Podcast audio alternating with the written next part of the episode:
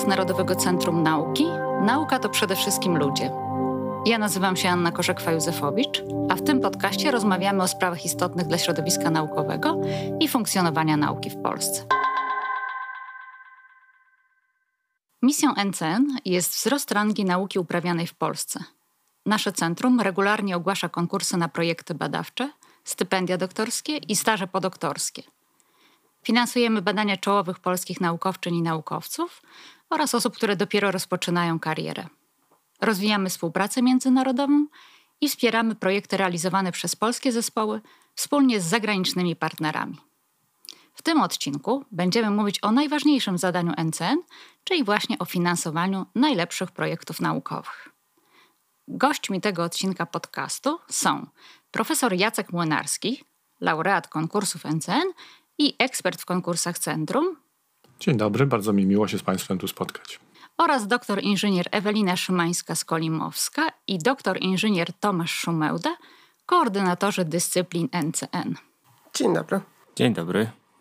Moi rozmówcy, Ewelina i Tomasz, jako koordynatorzy są odpowiedzialni za organizację i przeprowadzenie konkursów NCN. Profesor Jacek Młynarski jako ekspert wiele razy uczestniczył w ocenie wniosków o finansowanie badań. Rocznie do NCN-u wpływa 10-12 tysięcy wniosków. Kilkanaście do 20% z nich otrzymuje później finansowanie. Dzisiaj podpowiemy, na co zwrócić uwagę przy przygotowaniu wniosków o grant i wyjaśnimy krok po kroku, jak przebiega proces ich oceny. Na koniec poproszę moich gości o odniesienie się do nieporozumień które czasem pojawiają się w dyskusjach na temat oceny wniosków NCN. No to zaczynamy. Panie profesorze, mam świetny pomysł na badania. Przygotowuję swój pierwszy wniosek. Oczywiście chcę, żeby on dostał finansowanie. Na co zwrócić uwagę? Jak taki dobry wniosek powinien wyglądać? No, przede wszystkim zaczęliśmy od tego stwierdzenia, że mam świetny pomysł na badanie i to jest kluczowe. Może to jest truizmem e, i powiem to jeszcze raz, ale pomysł jest najważniejszy w tym e, przedsięwzięciu, w tym, w tej, na tej drodze ubiegania się o grant NCN-u, tak jak też i o inne granty oczywiście.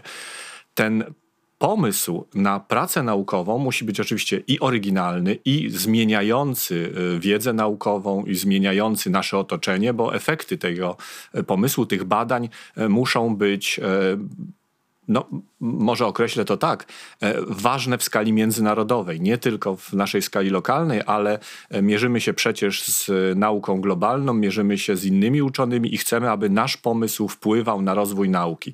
Więc po pierwsze pomysł, po drugie e, dobra dokumentacja tego pomysłu. W przygotowaniu grantu najważniejszy jest jest przelanie na papier tego, co chcemy zrealizować, co chcemy wymyśleć. Czytający ten grant eksperci muszą rozumieć, co chcieliśmy zrobić, muszą rozumieć nas, nasz przekaz. Musi być to tak opowiedziane, aby też ich zainteresowało.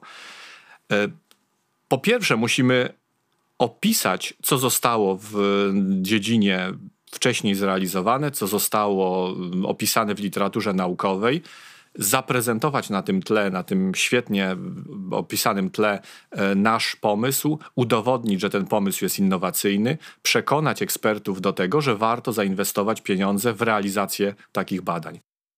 To jest recepta w skrócie. Oczywiście ona też y, wymaga pewnych E, szczegółowych, szczegółowego sposobu opisu, e, pięknego przygotowania wniosku. Przez piękne przygotowanie wniosku chciałbym e, przekazać może wnioskodawcom to, że eksperci czytając wniosek zwracają uwagi, uwagę na słowa podkreślone, słowa wypunktowane. Jeżeli w naszym wniosku pojawiają się stwierdzenia innowacyjny, przełomowy, to nie bójmy się ich używać. Pokazujmy, które elementy tego wniosku są innowacyjne, są inne niż te, które były już dotychczas opublikowane, gdzie my jesteśmy lepsi i co więcej możemy mm, zaproponować, zaprezentować w badaniach, które, na które chcielibyśmy uzyskać finansowanie.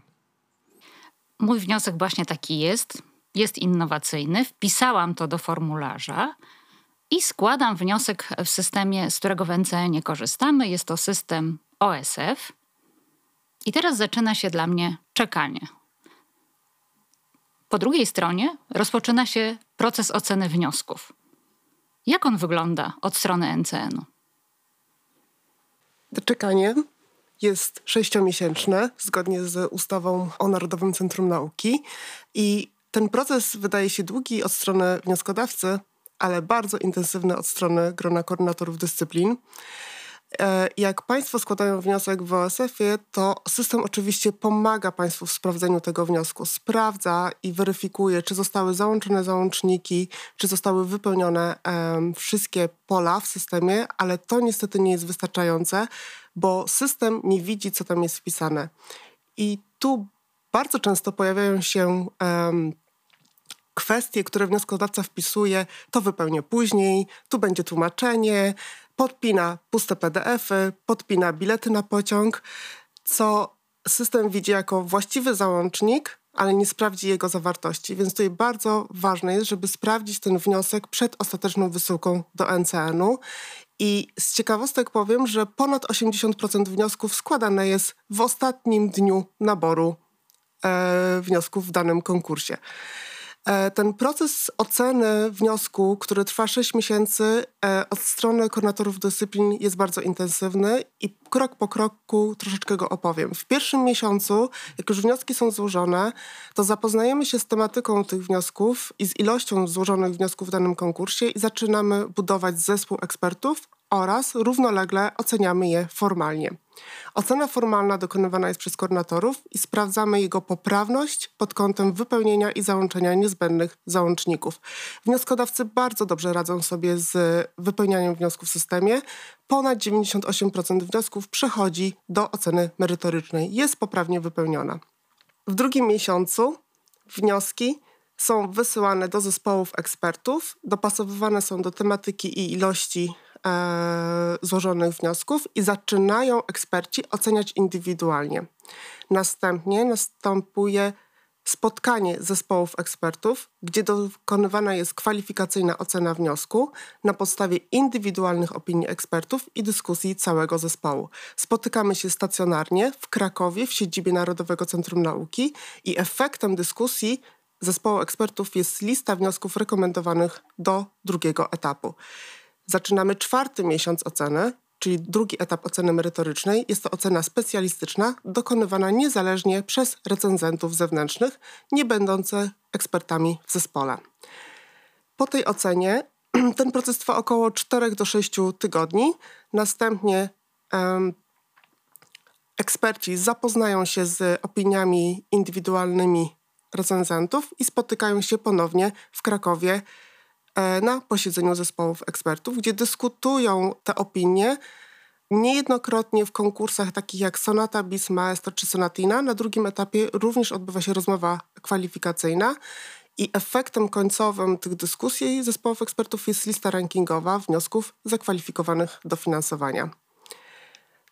Mm, kolejny miesiąc, szósty miesiąc to już jest wydanie decyzji. I tak kończymy ten intensywny, sześciomiesięczny czas.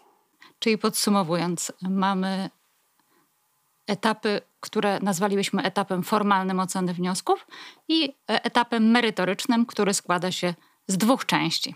O tym za chwilę powiemy jeszcze. Powiedziałeś, że te etapy, cały ten proces trwa od 5 do 6 miesięcy. I powiedziałeś, że dla NCN-u jest to czas intensywny, ale z punktu widzenia wnioskodawców, jak wiemy, to jest czas wystarczająco długi, czasem za długi, prawda? Są, y, czasem się niepokoją. Y, nie można tego procesu oceny wniosków jakoś skrócić?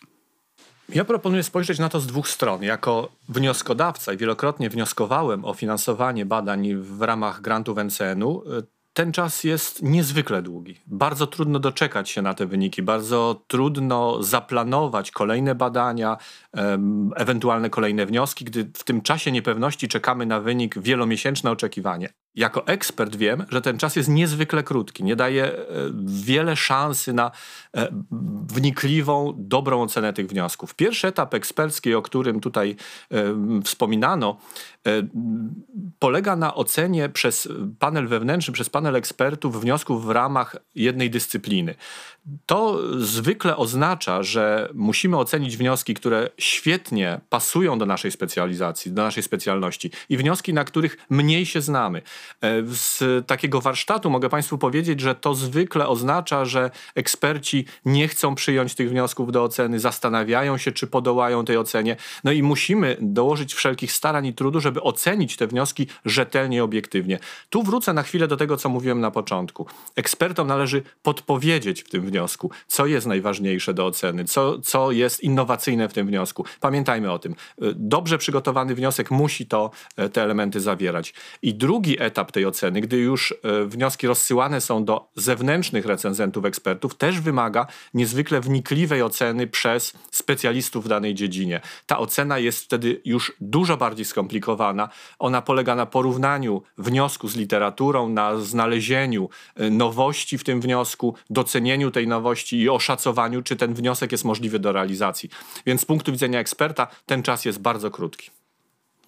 Pan profesor tutaj występuje jako ekspert i też jako laureat, a jeszcze nie powiedzieliśmy tak naprawdę, y, jak można stać się ekspertem. Czy można y, aplikować i zostać y, ekspertem NCN-u? Tomasz? Jeżeli chodzi o ekspertki, ekspertów Narodowego Centrum Nauki, to są to naukowczynie lub naukowcy afiliowani w Polsce lub za granicą. Są to osoby, które posiadają co najmniej stopień doktora są to badacze o rozpoznawalnym dorobku naukowym i co najważniejsze, są to osoby y, wybierane przez Radę Narodowego Centrum Nauki. Czyli co do zasady, można powiedzieć, że Narodowe Centrum Nauki posiada bazę ekspertów, a tą bazą ekspertów są tak naprawdę wszyscy naukowcy, bez względu na to, y, z jakiego zakątka świata pochodzą.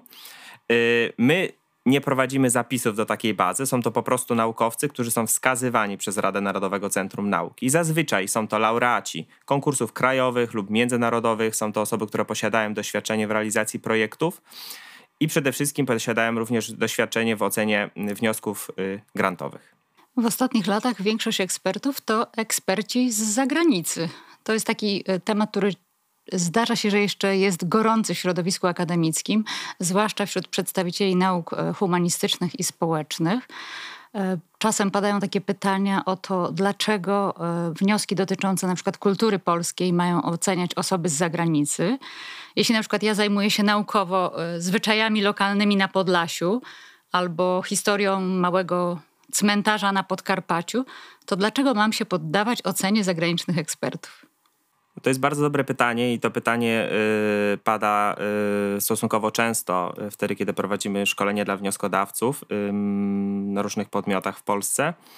Y, należy pamiętać o tym, że jednym y, z kluczowych kryteriów, oprócz tego, czym powinien się cechować ekspert, oprócz tego, jaką wiedzę powinien posiadać, doświadczenie w, w ocenie wniosków grantowych, jest również jak najszersze wykluczenie potencjalnych konfliktów interesów, które mogą się pojawiać, a co ma oczywiście bezpośredni wpływ na rzetelność i bezstronność procesu oceny takich wniosków.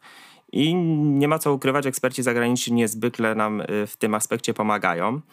Y, przede wszystkim dlatego, że angażując ekspertów zagranicznych wykluczamy większość przypadków takich oczywistych konfliktów interesów, które sprowadzają się do tego, że na przykład naukowcy pracują w jednym podmiocie, bądź podmioty w Polsce współpracują między sobą. Naukowcy Y, posiadają wspólne publikacje, współpracują naukowo na różnych płaszczyznach. I y, stąd też y, zaangażowanie ekspertów zagranicznych, zwłaszcza w niszowych tematach, pozwala nam na to, żeby wykluczać takie potencjalne konflikty interesów, które mogą się pojawiać i jednocześnie zachować jak najwyższą jakość procesu oceny. No dobrze, dlaczego taki ekspert zagraniczny ma wiedzieć więcej o słowackim niż ja wiem? Ja myślę, że należy na to spojrzeć y, z innej strony. To rolą wnioskodawcy jest to, żeby wykazać we wniosku, jak ważna jest ta tematyka badawcza, którą się podejmuje, jak y, nowatorska ona jest, y, czy ten pomysł jest wart finansowania. To rolą wnioskodawcy jest to, żeby wykazać, jak ważne jest i jak nowatorskie są te badania, które są we wniosku przedstawiane. I myślę, że to jest kluczowe w przygotowaniu wniosku. Dobrze, wracamy do, naszego, do naszej osi czasu. E, Ewelina powiedziała, że pierwszy etap e, merytorycznej oceny wniosków to ocena wstępna, nazywana też kwalifikacyjną. Na czym ona polega? Jest to ocena dokonywana przez ekspertów na podstawie skróconego opisu projektu. Ten opis powinien być przygotowany bardzo ogólnie i zrozumiale dla eksperta również z tematyki pokrewnej. Przykładowo wniosek z fizyki kwantowej na podczas oceny kwalifikacyjnej może być oceniany przez fizyka kwantowego, jak również przez fizyka od przykład wysokich energii. Więc opis ten powinien być na tyle zrozumiały, żeby i zaciekawił eksperta w tematyce zaproponowanej.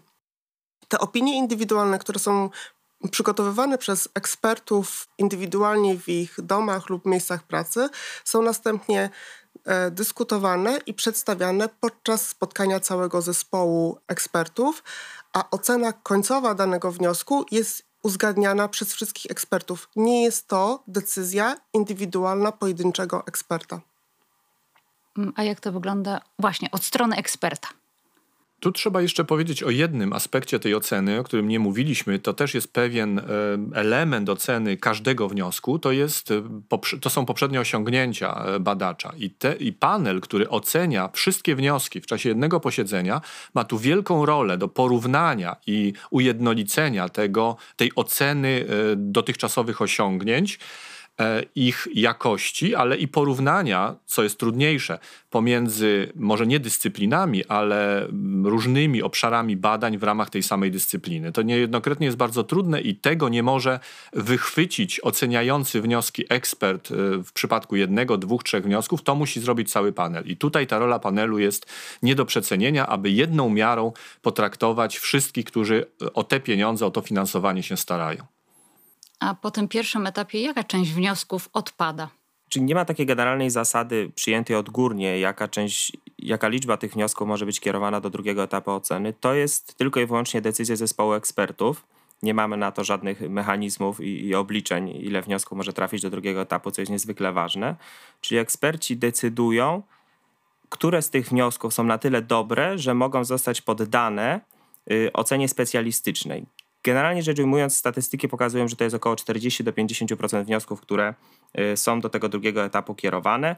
Y, zdarza się tak, że w sytuacji, jeżeli eksperci mają pewne y, trudności co do oceny wniosku, a wynika to może to wynikać z tego, że mamy bardzo specjalistyczny wniosek i takie oceny specjalistyczne są niezbędne do tego, żeby podjąć taką decyzję o wniosku, żeby nie odrzucać takiego wniosku na pierwszym etapie i nie krzywdzić go to wtedy ewidentnie taki wniosek jest kierowany do drugiego etapu i poddawany jest ocenie specjalistycznej.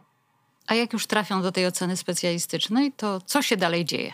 E, w pierwszym kroku takie wnioski są wysyłane do recenzentów, aby recenzenci dokonali oceny na podstawie szczegółowego opisu projektu, który ma 15 stron.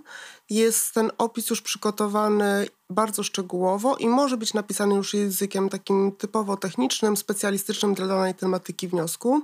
Recenzenci są wskazywani przez ekspertów, panelistów, są specjalistami w tematyce danego wniosku i korzystamy z ekspertów z całego świata, również z Polski. W przypadku konkursów e, z rozmowami takim jak Sonata, Bis Sonatina i Maestro, w drugim etapie oceny tej specjalistycznej kierownicy przyjeżdżają do Narodowego Centrum Nauki, przedstawiają swój projekt oraz mają możliwość dyskusji merytorycznej z ekspertami i obronienia tych krytycznych uwag recenzentów, co jest dużą wartością dodaną do całego um, drugiego etapu, czyli tej oceny specjalistycznej. Jak już mamy te wszystkie recenzje, odbyły się rozmowy kwalifikacyjne z e, wnioskodawcami, to wtedy eksperci, zapoznając się całościowo z całym szczegółowym opisem projektu, z, duży, z długim wnioskiem, e, z recenzjami i z efektami rozmowy, podejmują ostateczne decyzje o finansowaniu bądź nie danego wniosku. Ja może dodam jeszcze coś e, z, z, punktu widzenia panelisty. I Tomasz wcześniej wspominał o tym, że NCN nie ma bazy ekspertów, co z jednej strony oczywiście jest problemem, bo trudno znaleźć, wyselekcjonować właściwych e, ekspertów w danym obszarze, ale z drugiej strony daje możliwość wyboru i zwrócenia się do najlepszych specjalistów na świecie.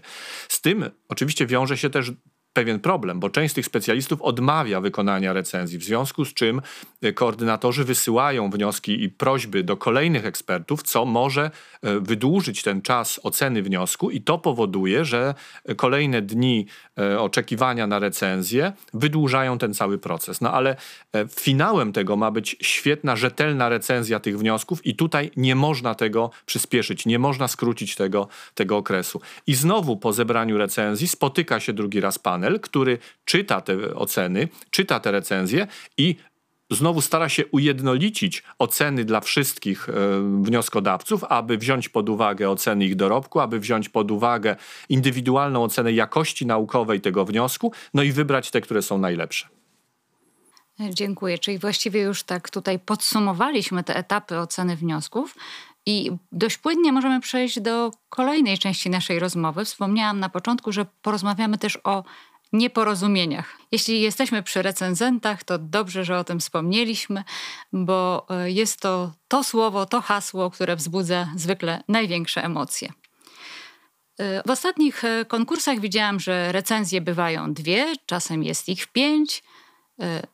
Z, o, z, reakcji naszych wnioskodawców wiem, że te recenzje bywają bardzo podzielone. Jak to wpływa na ocenę? Jeśli mamy bardzo różne oceny ekspertów. Oczywiście zadaniem panelistów wtedy jest e, przeczytanie tych recenzji i krytyczna e, ocena recenzji, jakkolwiek to nie zabrzmi, to jednak ta krytyczna ocena musi zostać dokonana. E, przecież ekspert może zostać wybrany wadliwie. To się może zdarzyć. No, nie wiemy, czy ekspert nie ma. Oczywiście jest pełne domniemanie braku konfliktu interesu, ale przecież w, w szczególnych przypadkach może się zdarzyć, że ekspert zbyt krytycznie oceni, czy recenzent oczywiście, zbyt krytycznie oceni wniosek. To za zadaniem wtedy ekspertów na panelu jest może nie odrzucenie recenzji, ale po zapoznaniu się z nimi przyłożenie mniejszej wagi do tej oceny i wybranie tych recenzji, które e, wydają się być bezstronne, rzetelnie oceniają wniosek. To wielokrotnie się może zdarzyć, również e, z uwagi na e, niedopasowanie specjalizacji, specjalności recenzenta z tematyką wniosku. Nie zawsze recenzent wtedy odmawia wykonania recenzji, a po prostu jego kompetencje nie są tak dobre jak pozostałych recenzentów w danym panelu. I wtedy, co wiem z doświadczenia, wybiera się te, które najgłębiej oceniają ten wniosek, wydają się najbardziej merytoryczne, mają przekonujące argumenty i odnoszą się do konkretnych fragmentów wniosku, e, traktują o tym, co chciałby wnioskodawca wykonać, jakie badania przeprowadzić. Tomasz, chciałeś jeszcze coś dodać? Jako koordynator y, mogę spróbować wytłumaczyć, dlaczego jest tak, że czasami mamy dwie recenzje, czasami tych recenzji jest y, więcej niż dwie. Y, to już zostało wspomniane, że pomiędzy pierwszym a drugim etapem oceny mm, koordynatorzy mają w zasadzie najbardziej wytężony czas pracy, jeżeli chodzi o cały ten proces oceny, a wiąże się, wiąże się on z tym, że mamy około 6 tygodni i w tym okresie czasu musimy zdobyć co najmniej dwie recenzje dla danego wniosku. Jak już y, wspomniał pan profesor, Zdarza się tak, że recenzenci nie przyjmują tych zaproszeń i nie chcą wykonać oceny. Z drugiej strony my staramy się, aby te zaproszenia trafiały do jak najlepszych specjalistów, y, żeby ta ocena była jak najlepsza y, pod kątem rzetelności. I mając na uwadze, że, że nie jest to proces wysoce efektywny i odpowiedzialność na to zaproszenie nie zawsze nas satysfakcjonuje, y, zdarza się tak, że przy wysyłce większych liczby zaproszeń, kiedy już jesteśmy na tych ostatnich etapach zbierania tych, y, tych ocen, finalnie otrzymujemy dla danego wniosku więcej niż, y, niż dwa, trzy zaproszenia i skutkuje to tym, że tych, tych, tych, wykonanych recenzji jest więcej niż dwie, a to dwie powinniśmy zebrać dla danego wniosku. Na co chciałbym zwrócić jeszcze uwagę, to to, że w sytuacji, jeżeli mamy dwie recenzje, które są rozbieżne, to dążymy do tego, żeby y, w tym krótkim okresie czasu, bo należy to podkreślić, że to jest około 6 tygodni, y, dążymy do tego, żeby zebrać dodatkową recenzję, żeby pozyskać taką recenzję od dodatkowego specjalisty, co y, w znaczny sposób ułatwia później dyskusję na panelu w sytuacji, jeżeli mamy dwie rozbieżne oceny, które są dyskutowane. Ale dodajmy, że jest to bardzo podobne do eksperckiej oceny publikacji w dobrych czasopismach, więc wszyscy wiemy, jak to wygląda. Czasem są to dwie recenzje, czasem trzy. Dobre czasopismo wysyła zaproszenia do trzech recenzentów i po otrzymaniu dwóch recenzji już najczęściej wydaje decyzję, a czasem jest potrzebna um, ocena e, eksperta, który oceni dwie poprzednie recenzje i wybierze tę, która, e, ta, tę, która jest lepsza i właściwie ocenia e, te badania. Tomasz, jeszcze wyjaśnij mi, powiedziałeś, że część recenzentów odmawia. Z czego to wynika? No myślę, że y, przede wszystkim dzieje się tak dlatego, że my celujemy w najlepszych specjalistów. Y, dążymy do tego, żeby ekspertyza y, specjalisty była dopasowana do tego, co jest we wniosku i żeby ta ocena była jak najlepsza. No i niestety eksperci nie mają na to czasu żeby wykonać po prostu takie recenzji. No zwracam po raz kolejny uwagę na to, że mamy około 6 tygodni. A recenzent też przecież otrzymuje zaproszenia z innych czasopism, z innych instytucji. Wszyscy otrzymujemy zaproszenia z instytucji finansujących naukę z Europy, spoza Europy, więc e, również możemy się spodziewać, że NCN trafia do najlepszych ekspertów, którzy są bardzo zajęci. Czyli to jest czasem po prostu kwestia dostępności, tak? No, zawsze można powiedzieć, e, my możemy zrobić każdą recenzję, kwestia kiedy. A tu oczywiście wnioskodawcy czekają na finalną ocenę wniosku, więc to nie może trwać w nieskończoność. Jeszcze dodam tylko, y, że mm, przyglądając się pracy y, zespołów ekspertów, y, należy podkreślić, że to nie jest tak, że wnioski, które mają więcej tych recenzji, mają większe szanse na to, że otrzymają finansowanie, yy, dlatego że tych recenzji jest więcej i, i, ten wniosek został lepiej oceniony. To absolutnie yy, trzeba temu zaprzeczyć i, i, nie, nie, nie wchodzić w takie domysły, dlatego że koniec końców to eksperci zagłębiają się nie tyle w ilość, co w jakość tych recenzji i w treść tych recenzji, podejmując ostateczną decyzję o tym, yy, które wnioski finansować. A ja może dodam z punktu widzenia wnioskodawcy teraz, jeśli przeczytam więcej krytycznych opinii albo dobrych pochwał, to oczywiście będzie przyjemne, ale jeśli przeczytam więcej krytycznych opinii od ekspertów, to wyciągnę wnioski i zmienię plan badań tak, aby nauczyć się czegoś też z tych recenzji. Czy jest to jakiś taki walor edukacyjny też? Oczywiście, recenzji? recenzje temu mają służyć. Dobrze, to teraz jeszcze wrócimy do tematu ekspertów. E, mówiłam, że eksperci zagraniczni czasem wzbudzają kontrowersje. E, ale też e, jako adminka e, profili NCN-u w mediach społecznościowych muszę powiedzieć, że spotykam się z komentarzami no, wynikającymi z dużego niezrozumienia czy nieporozumienia, że zdarza się, że w ocenie wniosków uczestniczą, no, powiedziałabym, koledzy, tak? czyli że koledzy z jednego uniwersytetu decydują o przyznaniu finansowania na badania no, kolegom z tej samej uczelni. Jesteśmy tutaj w gronie osób z Warszawy i Krakowa, no, więc mogę powiedzieć, że padają też takie zarzuty, że raz Kraków y, przyznaje granty Warszawie, raz Warszawa naukowcom z Krakowa. I tu e, konflikty interesów to bardzo szeroki temat i on jest weryfikowany w kilku krokach. Początkowo koordynatorzy dyscyplin sprawdzają je bardzo dokładnie. Sprawdzają, czy ekspert nie pracował w tej samej jednostce co wnioskodawca, czy nie mają wspólnych publikacji, a następnie ekspert przyjmując lub recenzent przyjmując taką, taki wniosek do oceny deklaruje brak konfliktu.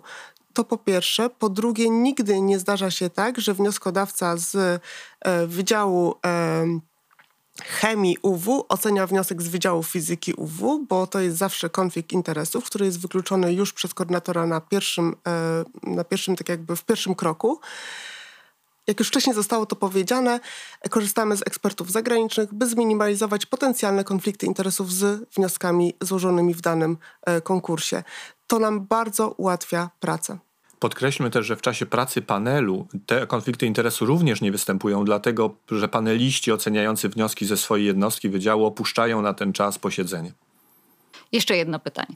Znam osoby, które są silnie przekonane, że NCN preferuje wnioski drogie, czyli takie z dużymi budżetami, że w naszych konkursach y, największe szanse na grant ma naukowiec, naukowczyni, która złoży wniosek na y, dużą sumę. Znaczy generalnie głównym kryterium przy wyborze wniosków, które, które y, są rekomendowane do finansowania jest oczywiście doskonałość naukowa. W naszych kryteriach oceny, które posiadamy, nie ma takiego kryterium, że im wniosek jest droższy, tym jest lepiej oceniony. To zdecydowanie nie jest prawda. Idąc tym tokiem, y, w kryteriach oceny, co prawda jest mowa o kosztorysie, tak, ale eksperci oceniają nie tyle wysokość zaplanowanych wydatków, co ich zasadność. Tak? To eksperci, którzy nie mają wątpliwości co do zaplanowanego kosztorysu, y, co do budżetu, który jest y, prezentowany we wniosku, nie karają bądź też nie nagradzają wniosków za to, że one są droższe lub tańsze. To jest zdecydowanie nieprawda. Y, i, i, i należy temu całkowicie zaprzeczyć.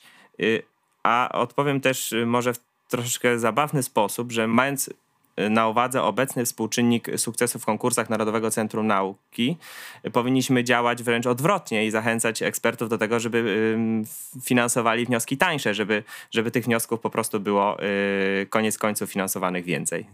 Ale też pamiętajmy o drugiej stronie medalu, bo e, prowadzenie dużego zespołu badawczego i konkurencyjność z innymi grupami na świecie wymaga jednak sporych finansów. W związku z czym widoczny jest ten trend, że część dużych, e, część wnioskodawców stara się o finansowanie większych zespołów, no ale to przecież umożliwia nam prowadzenie konkurencyjnych badań. Nie możemy iść w innym kierunku.